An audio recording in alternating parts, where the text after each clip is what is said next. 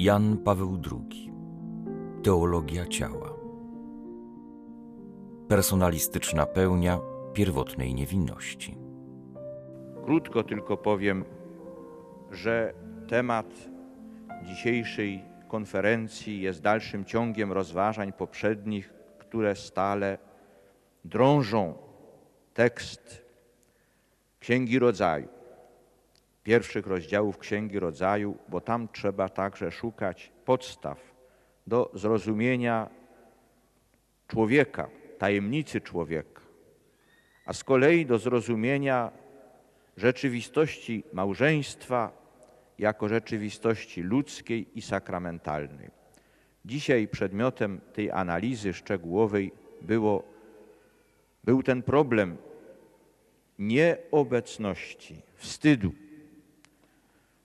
W życiu pierwszego mężczyzny i pierwszej kobiety, o których pismo mówi wyraźnie, i to daje bardzo wiele do myślenia, że byli nadzy, a nie doznawali wstydu.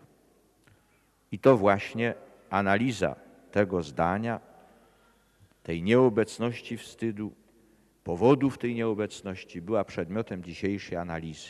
To oczywiście tłumaczy nam stan pierwotnej niewinności człowieka. I będziemy jeszcze w dalszym ciągu te sprawy analizować. Są bowiem niesłychanej wagi dla samoświadomości ludzkiej.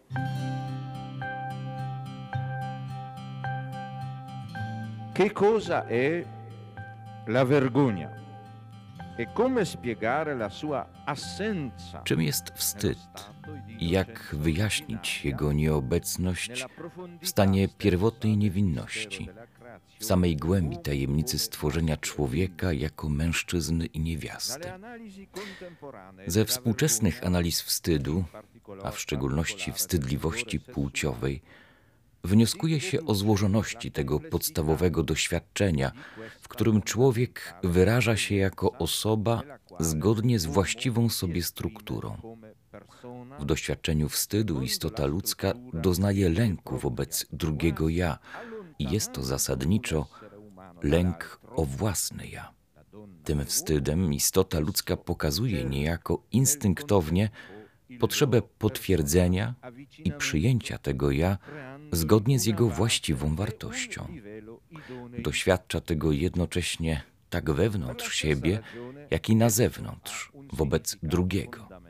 Można więc powiedzieć, że wstyd jest doświadczeniem złożonym, także w tym znaczeniu, że oddalając niejako jedną istotę ludzką od drugiej, kobietę od mężczyzny, szuka równocześnie ich osobowego zbliżenia, stwarzając dla niego odpowiednią postawę i odpowiedni poziom. Z tej samej racji ma on podstawowe znaczenie dla formacji etosu w ludzkim współżyciu, a w szczególności w relacji mężczyzna-kobieta. Analiza wstydu wskazuje jasno, jak głęboko jest on zakorzeniony we wzajemnych relacjach, jak dokładnie wyraża istotne reguły dla wspólnoty osób i równocześnie jak głęboko dotyka wymiaru pierwotnej samotności człowieka. Pojawienie się wstydu w następnym opowiadaniu biblijnym w rozdziale trzecim Księgi Rodzaju ma znaczenie wielowymiarowe i w swoim czasie wypadnie nam podjąć jego analizę. Co natomiast oznacza jego pierwotna nieobecność w Księdze Rodzaju, rozdział drugi, werset 25. Byli nadzy, lecz nie odczuwali wobec siebie wstydu. Bisogna stabilire anzitutto che si tratta di una vera non presenza della vergogna Trzeba przede wszystkim ustalić, że chodzi o prawdziwą nieobecność wstydu, a nie o jego brak lub niedorozwój. Nie możemy tutaj w żaden sposób utrzymywać prymitywizacji jego znaczenia. Tekst więc w Księdze Rodzaju, rozdział 2, werset 25, nie tylko wyklucza zdecydowanie możliwość myślenia o braku wstydu albo o bezwstydności, lecz bardziej jeszcze wyklucza wyjaśnienie za pomocą analogii z pewnymi pozytywnymi doświadczeniami ludzkimi, jak na przykład doświadczeniem wieku dziecięcego albo życia tak zwanych ludów pierwotnych. Takie analogie są nie tylko niewystarczające, lecz mogą być po prostu zawodne. Słowa Księgi Rodzaju, rozdział 2, werset 25 nie odczuwali wobec siebie wstydu, nie wyrażają braku, lecz przeciwnie, służą do wskazania na szczególną pełnię świadomości i doświadczenia, nade wszystko na pełnię zrozumienia znaczenia ciała, związaną z faktem, że byli nadzy. Że tak należy rozumieć i interpretować przytoczony tekst, Świadczy o tym dalszy ciąg opowiadania jachwistycznego, w którym pojawienie się wstydu, a w szczególności wstydu płciowego, jest połączone z utratą tej pierwotnej pełni. Zakładając zatem doświadczenie wstydu jako doświadczenie graniczne, powinniśmy zapytać, jakiej pełni świadomości i doświadczenia, a zwłaszcza jakiej pełni zrozumienia znaczenia ciała odpowiada znaczenie pierwotnej nagości, o której mówi Księga Rodzaju, rozdział drugi, werset 25. Per rispondere a questa domanda è necessario tenere presente il processo analitico finora condotto. Aby odpowiedzieć na to pytanie, konieczną jest rzeczą pamiętać o przeprowadzonym dotąd procesie analitycznym, który swoją podstawę ma w całości opisu jachwistycznego. W tym kontekście pierwotna samotność człowieka ukazuje się jako nieutożsamienie własnego człowieczeństwa ze światem istot żyjących, które go otaczają. To nieutożsamienie w następstwie stworzenia człowieka jako mężczyzny i niewiasty ustępuje miejsca szczęśliwemu odkryciu własnego człowieczeństwa przy pomocy drugiej istoty ludzkiej. W ten sposób mężczyzna rozpoznaje i odnajduje swoje człowieczeństwo przy pomocy kobiety. Jednocześnie ten ich akt powoduje dostrzeżenie świata, które dokonuje się bezpośrednio przez ciało. Jest ono bezpośrednim i widzialnym źródłem doświadczenia, które doprowadza do ustalenia ich jedności świadomości znaczenia ciał, która wypływa z typowej percepcji zmysłów.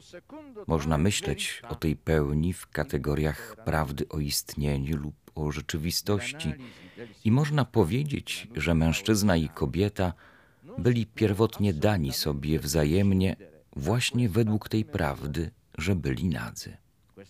W analizie znaczenia pierwotnej nagości nie można absolutnie pomijać tego wymiaru. To uczestniczenie w percepcji świata w jego aspekcie zewnętrznym jest faktem bezpośrednim i niejako samorzutnym, wcześniejszym od jakiejkolwiek złożoności krytycznej poznania i doświadczenia ludzkiego i ukazuje się jako ściśle połączone z doświadczeniem znaczenia ludzkiego ciała. Już w ten sposób można pojmować pierwotną niewinność poznania. Tuttavia, non si può individuare il significato della nudità originaria. Nie można jednakże scharakteryzować znaczenia pierwotnej nagości, biorąc pod uwagę tylko udział człowieka w zewnętrznej percepcji świata. Nie można go ustalić bez zejścia do wnętrza człowieka. Księga Rodzaju, rozdział 2, werset 25 wprowadza nas właśnie na ten poziom i chce, byśmy tak szukali pierwotnej niewinności poznania. Wymiarem bowiem ludzkiej głębi duszy trzeba wyjaśniać i mierzyć tę szczególną pełnię międzyosobowej łączności, dzięki której mężczyzna i kobieta byli nadzy, lecz nie odczuwali wobec siebie wstydu. Pojęcie łączności w naszym języku konwencjonalnym zostało prawie oddzielone od swej najgłębszej, pierwotnej formy znaczeniowej. Wiąże się je nade wszystko ze sferą środków i to przeważnie z wytworami służącymi porozumieniu, wymianie, zbliżeniu.